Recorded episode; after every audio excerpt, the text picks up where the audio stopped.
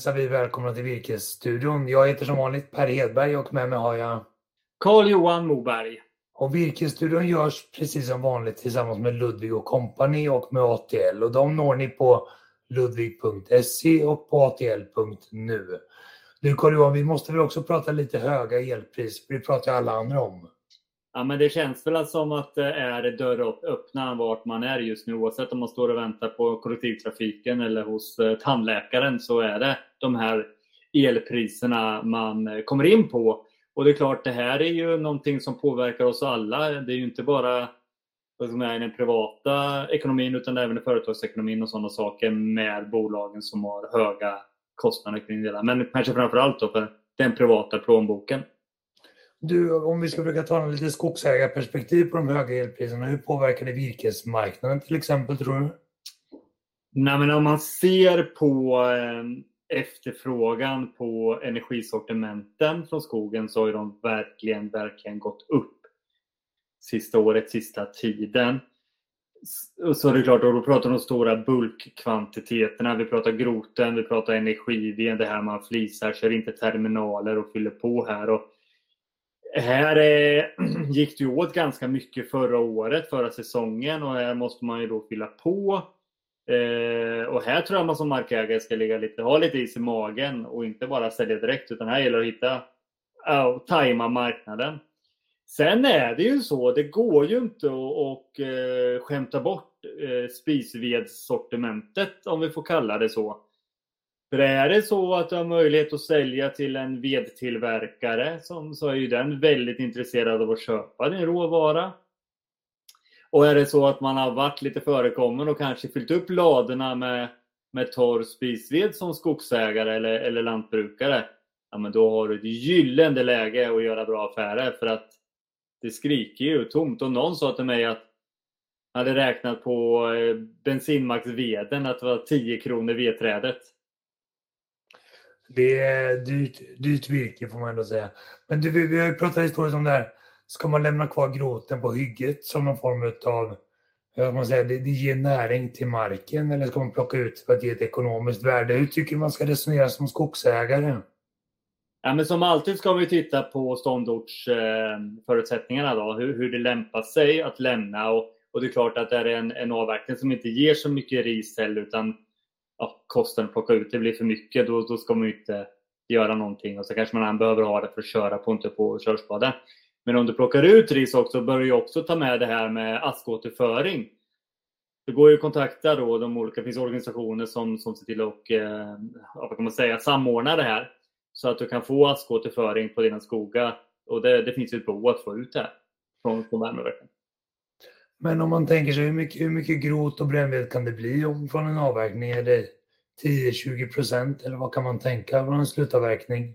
Ja, men det, beror, det beror ju verkligen, verkligen mycket på. Kollar vi på drivningsförhållanden som är just nu i hela Sverige, jag pratar med Skåne här förut idag, det var ju 5-6 minus där nere, då, då, då blir, det kan det bli ganska mycket eftersom man inte behöver ha så mycket att bygga basvägarna på. Men om man går in på skogskunskap.se så finns det jättebra beräkningsverktyg där du kan använda dig av för att få fram schablonmässigt hur mycket det blir. Man kan väl tänka, vi gör ju en hel del grot och brännvedsaffärer på virkesbörsen också. Vi gör ju affärer ner mot ja, några hundra kubik egentligen då, eller och ner i gigawattimmar efter det. Men då det gör, där kan man gå in på skogskunskap och se hur mycket volym det blir så kan man bilda sig en uppfattning om det är värt att plocka ut rent ekonomiskt eller om det ska lämnas kvar kanske. Då. Mm. Och sen är det klart, man ska ju alltid lämna lite för att få de här eh, biologiska deponierna eller vad man ska kalla dem för. Då, där skalbaggar och smådjur och så kan leva och bo och verka. Så kratta blir inte årets julklapp till skogsägarna?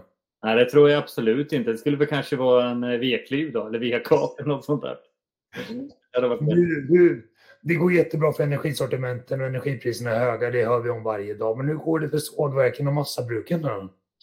Ja, men det är väl klart att eh, det är ju det är, det är en tufft. Om man kollar på det året som har varit för sågverken så har det ju en nedgång. Eh, men även de kan man väl säga räddas lite av den, den svaga svenska kronan och exporten är ju väldigt, väldigt viktig. Eh, massaveden där är ju extremt viktig eftersom man vet att mycket går på export av, av massan. Eh, och sen ska vi inte glömma bort att energipriset gör ju också att massaveden jagas ju. Så att det finns ju de aktörerna idag som betalar eh, mer än andra aktörer som, som har det klassiska massavedssortimentet. Eh, de betalar alltså mer för att eh, det ska bli ett eh, ja, brännved helt enkelt. Det är väl så att de här stigande energipriserna och stigande efterfrågan på energisortiment och samtidigt som efterfrågan på sågtimmer mjuknar. Det leder till vad du brukar kalla för en sortimentsvandring. Kan inte du hjälpa oss att förstå vad det betyder? Jo, men det är ju att man eh, Ja, men ta till exempel när ett, ett massabruk kan ju egentligen aldrig, den processen kan ju aldrig stå stilla utan där måste man ju hela tiden ha in råvaran. Och är det så att det inte finns tillräckligt med massaved, ja, men då är det mycket möjligt och det sker ju kontinuerligt att det kommer med prima sågtimmer in i massaproduktionen för att hålla igång den verksamheten. Och likadant så ser man ju då att för att hålla igång värmeverk eller biokraftverk så kommer det vandring då från massaved som blir energived. Eh, och det där gör ju också att eh, det kan ju bli väldigt effektiva avverkningar hos vissa markägare. Alltså få mindre avverkningskostnad, mindre sortiment att plocka ut. Kanske mindre transportavstånd också. För det finns ju de kommunerna till exempel som har lokala biobränslepannor och ett upplag. Det kanske blir transportavstånd på 10-15 minuter mot en och en halv timme som är om man ska köra till massabruket. Jag tror att nu när vi närmar oss slutet på 2022 så kommer jag nog komma ihåg 2022 som det året när Ryssland invaderade Ukraina och det fick en väldig påverkan på virkesmarknaden runt Östersjön med stigande skillnader, ökande skillnader mellan virkespriserna runt de olika länderna. Hur har de här skillnaderna utvecklat sig på senaste, vad du ser? Ja, men, alltså Baltikum är ju mer en rörlig marknad på det och eh, den går ju egentligen lite upp och ner som, som, som det är. Eh, tittar man på hur det ser ut som på Sverige och kanske på Norge så har det ju varit, eh, det har ju varit över året, alltså historiskt sett för, för, för Sverige och Norge har det ju varit bra priser men om man jämför då med de andra priserna så, så ligger det lite lägre. Men det här är ju som alltid det vi pratar om, det är att hitta tajmingen på, på affären, på marknaden eh, för att få det rätta betalt. Och sen finns det ju viss eftersläpning i prissättning också. Även att man, eh, det har ju inte skett några justeringar på virkespriser här sista, sista tiden eh, på timmerpriserna utan det kanske man skulle kunna tänka sig att de skulle gå ner lite med tanke på att man hör signaler från eh, att den sågade varan har gått ner ganska rejält. Men det handlar ju också om att det är en viss fördröjning i prissättning emot, mot, på, eller på rundvirket ofta. Men att sågtimret är kvar på rekordnivå, gör det att det blir lite avverkningsläge för skogsägarna? Att vi kan förvänta oss en nedgång eller hur ska man resonera? Nej, men ja, det, det beror sig egentligen mycket på vilken typ av skogsägare du är. Eh, den lilla skogsägaren tycker jag, eller mindre skogsägaren, den tycker jag kanske ska ha passat på att göra en bra affär här under hösten när vi har haft historiskt sett bra, bra priser. Eh, så då kanske man lugnar ner sig lite. Har man inga angrepp av granbarkborren heller, då kanske man kan se till att eh, gå över till en eh, vårdfas nu. Plantera, röja det som behövs, kanske planera upp gallringar. Men sen har vi alltid de, de större markägarna som måste ha ett kontinuerligt kassaflöde från skogen för att bära fastigheten. De måste ju alltid avverka. Du, sen senast vi såg så har vi lanserat helt automatiska skogsbruksplaner på virkesbörsen. Kan du säga lite grann om hur man ska förhålla sig till sin skogsbruksplan och hur du tycker man ska jobba med den? Ja, men för mig är ju skogsbruksplanen egentligen en regelrätt lagerinventering. Vad har jag på min fastighet? Vad är det för eh, kubikmetrar? Vad är det egentligen för de olika åldersklasser och typ av skog det är? Och därifrån då besluta, vad vill jag göra med det här? För att skapa de förutsättningar eller den mål, nå den målsättningen som jag vill eller vi vill i familjen med vårt skogsägande.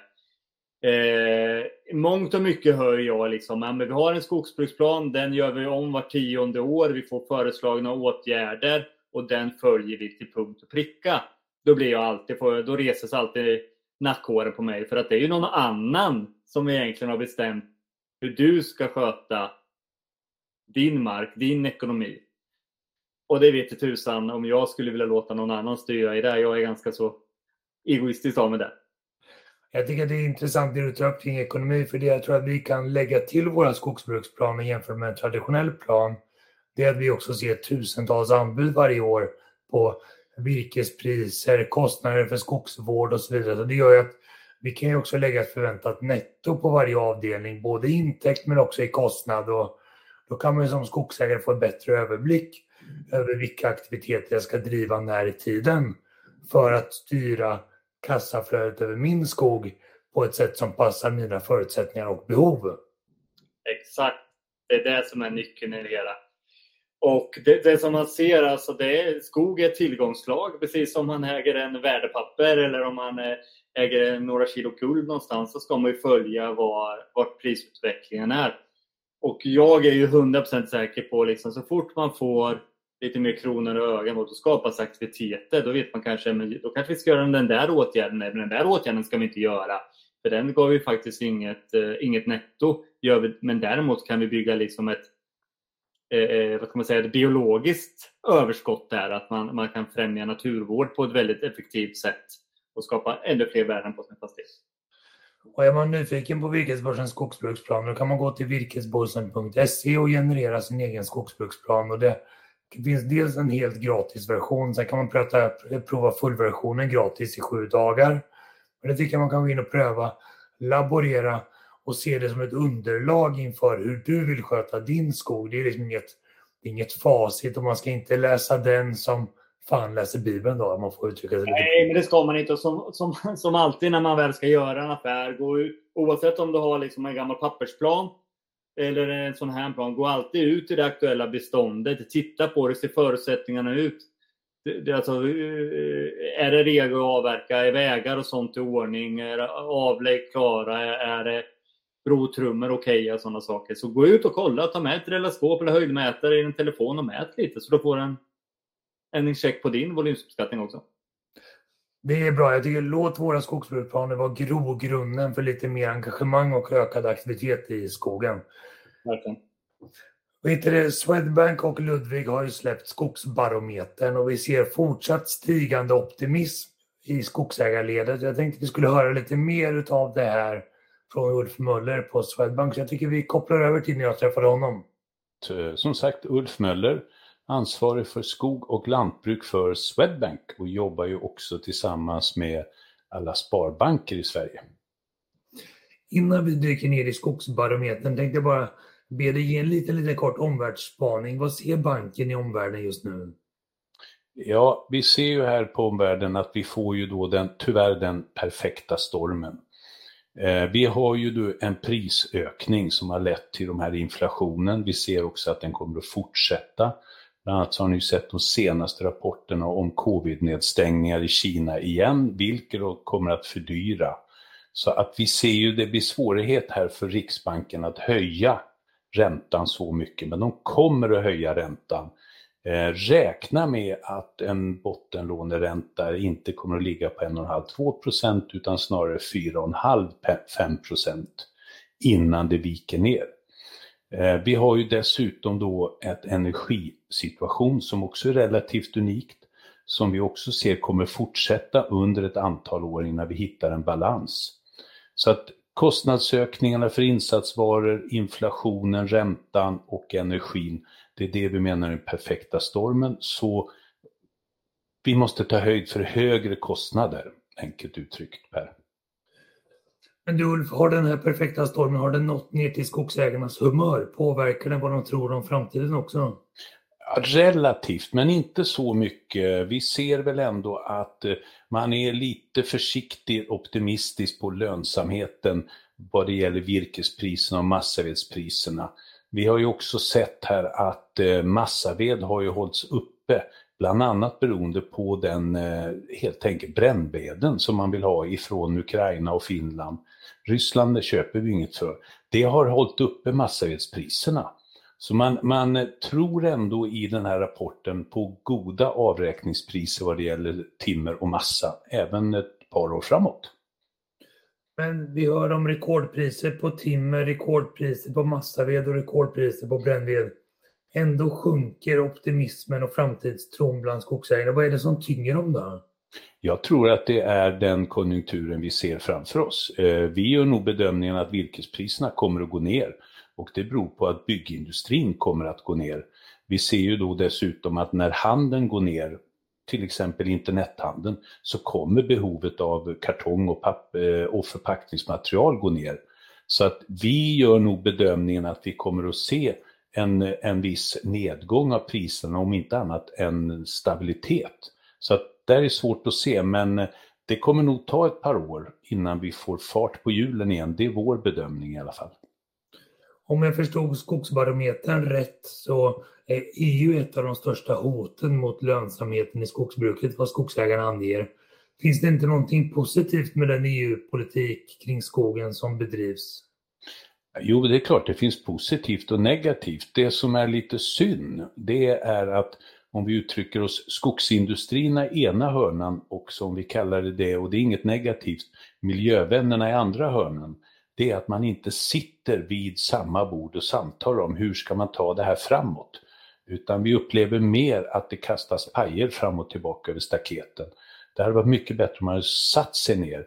För det vi ska ha klart för oss är att EUs skogspolitik kommer att påverka oss. Så som vi har skött skogen igår kommer vi inte kunna göra imorgon. Vi kommer att få ökad lövandel, det kommer biokrediter, det kommer eh, kolkrediter och liknande. Så att EUs skogspolitik kommer att påverka oss och där har vi ändå glädjande sett att de, framförallt de större skogsägarna börjar nu läsa på lite. Vad är det EU håller på med och vad, vad vill de? Jag tänker så att industrin har byggt ut och industrin har gått väldigt bra så att de behöver mera virke. Vi ska skydda mer skog till fördel för både biologi och för klimat och kolinlagring. Det borde egentligen ge grogrund för en ökande efterfrågan och ett minskat utbud.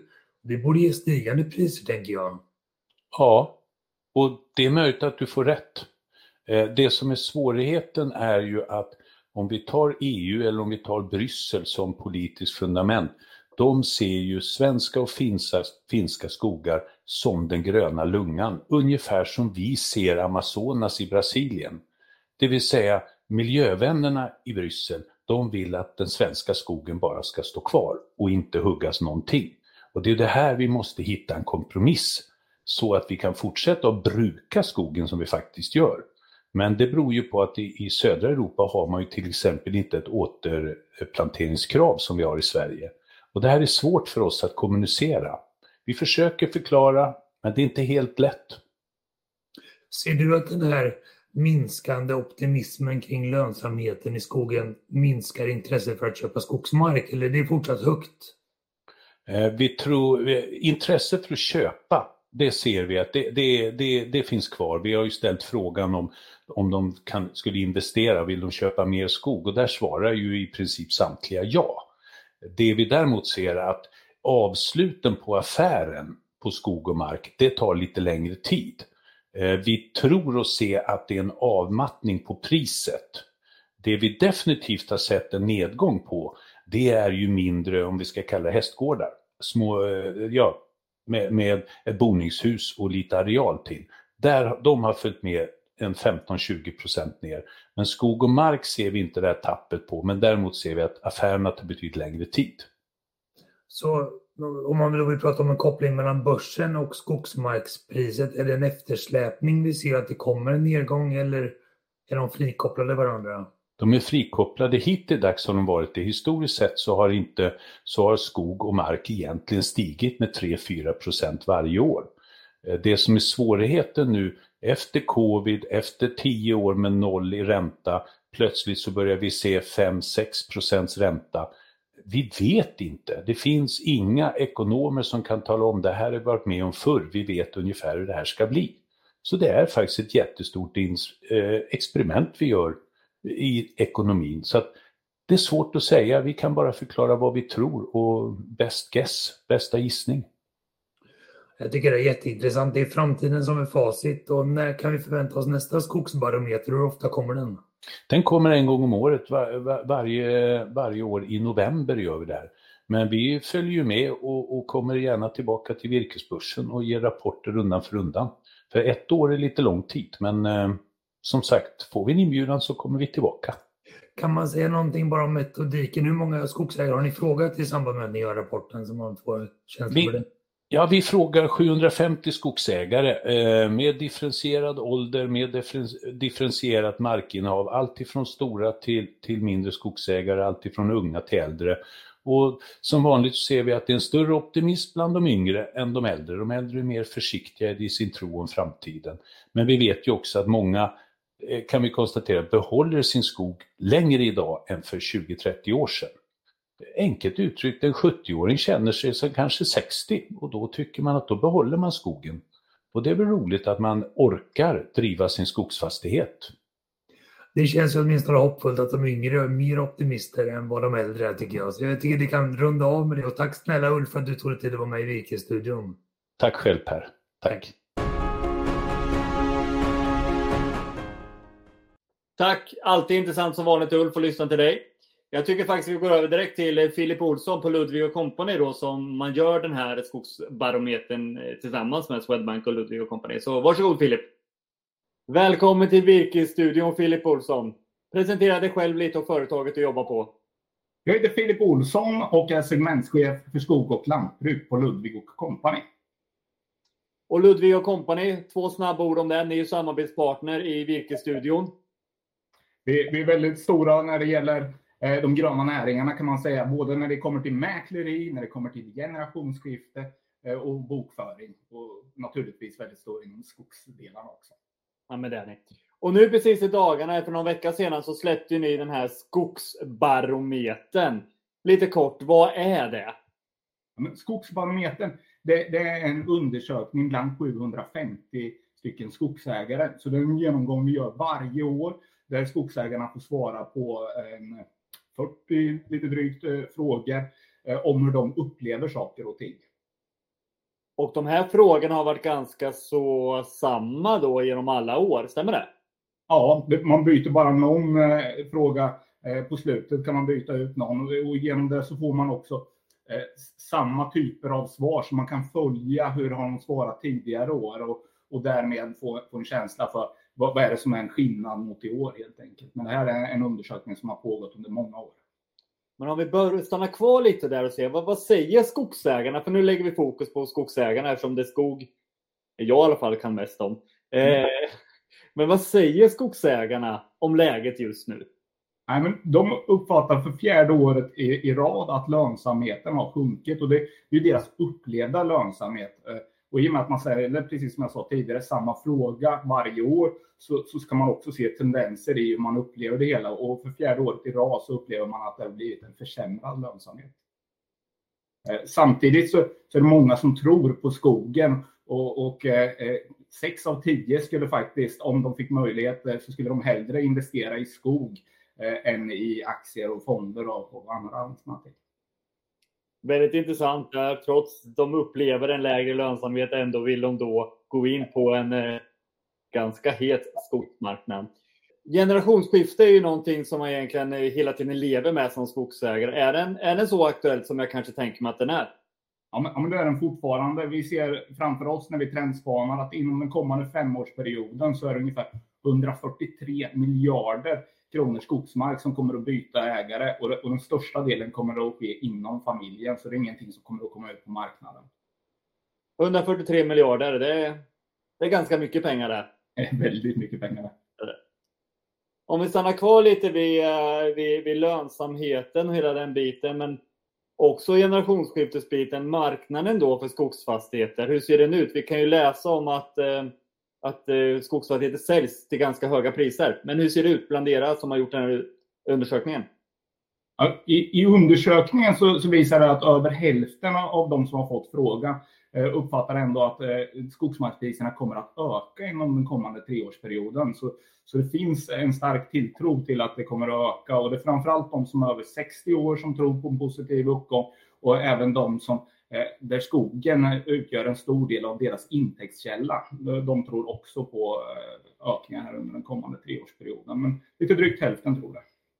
Ludvig Company är ju en stor mäklare också på jord och eh, lantbruksfastigheter. Hur upplever ni marknaden nu då? Ja, men när det gäller Eh, skogsfastigheter så kan man dela upp dem i, i två grupper framför allt sett. Och den ena delen det är de som har lite eh, färre hektar skog och ofta med något boende med. De eh, eh, baseras ofta då också på att det är en löneinkomst som står för återbetalningsförmågan.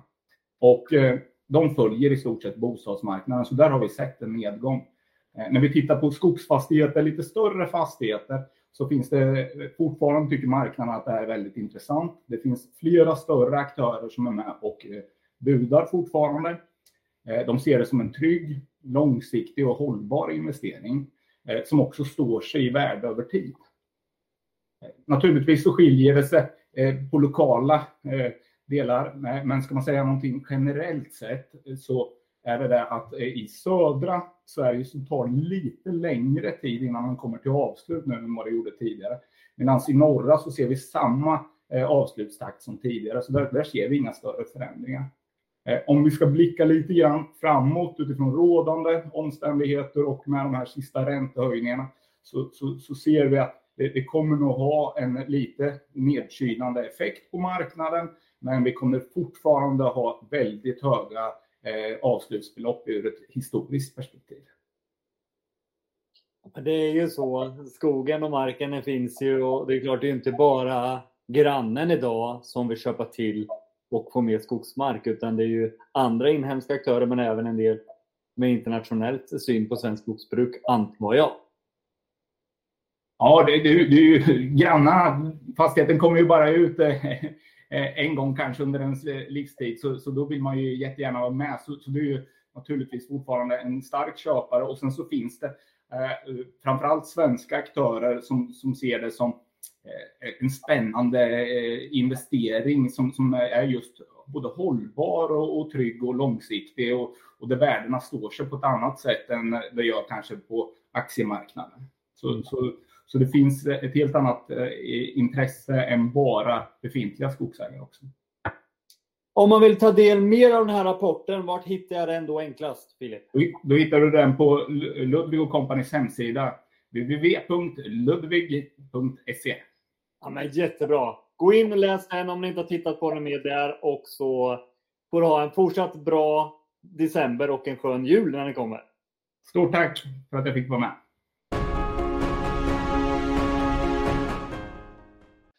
Så, då tackar vi Filip och Ulf för det. Och vill man läsa Skogsbarometern så finns den under rapporter på Ludvigs hemsida, ludvig.se. Det är nog det enklaste sättet att hitta rapporten tror jag. Du Carl-Johan, det är snart jul, det är dags att hugga en julgran. Har du några tips och tricks att komma med? jag har redan huggit min faktiskt. Eh, så att eh, den är faktiskt redan klädd också. Men det är väl som vanligt där att man ska hugga den gran man, man, man vill ha. Eh, och alltid göra ett, man ska ta in den successivt i värmen och sen ska man göra ett färskt snitt och fylla på med vatten. Det är väl det, är väl, det man fått lära sig genom diverse webbutbildningar. Min mamma hävdar att den ska ha två sockerbitar. Svärmor hävdar att den ska åtminstone ha sexa whisky. Jag vet inte, vad har du några tips kring hur den ska skötas? Nej, men jag kan väl både ta sockerdrickan och whiskyn själv så ta på granen vattnet. Du Carl-Johan, vi ses i mellandagarna och släpper ett nytt avsnitt. Jag tackar för idag. Stort tack för att du tog dig tid. Hej! Hej! Ja, det där blev väl bra. Det där blir ändå ganska långt från oss. Så. Ja, det blir jättebra. Eh, jag kanske är så att jag sätter och klipper